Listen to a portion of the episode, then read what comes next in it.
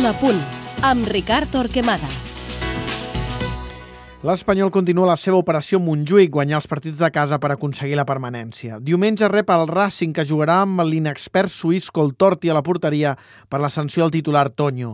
Valera omplirà la banda dreta defensiva de velocitat i contundència, mentre Marcano protegirà l'esquerra amb bona col·locació i domini del cos a cos. Aleix Garay s'encarrega de la sortida de la pilota i Moratón del joc aeri, tot i que tots dos són lents en espais oberts. L'Ixen i l'Assen formen un doble pivot que ocupa molt espai, guarda la posició i és agressiu en la recuperació recuperació. A les ales, Munitis desequilibra amb habilitat i velocitat a la banda dreta i Serrano és profund, constant i ambiciós en la seva arribada a l'esquerra. Al davant, Zigic facilita l'alternativa al futbol directe per despenjar pilotes i ha trobat el seu complement ideal en Jonathan Pereira, resultat de la clonació de Munitis.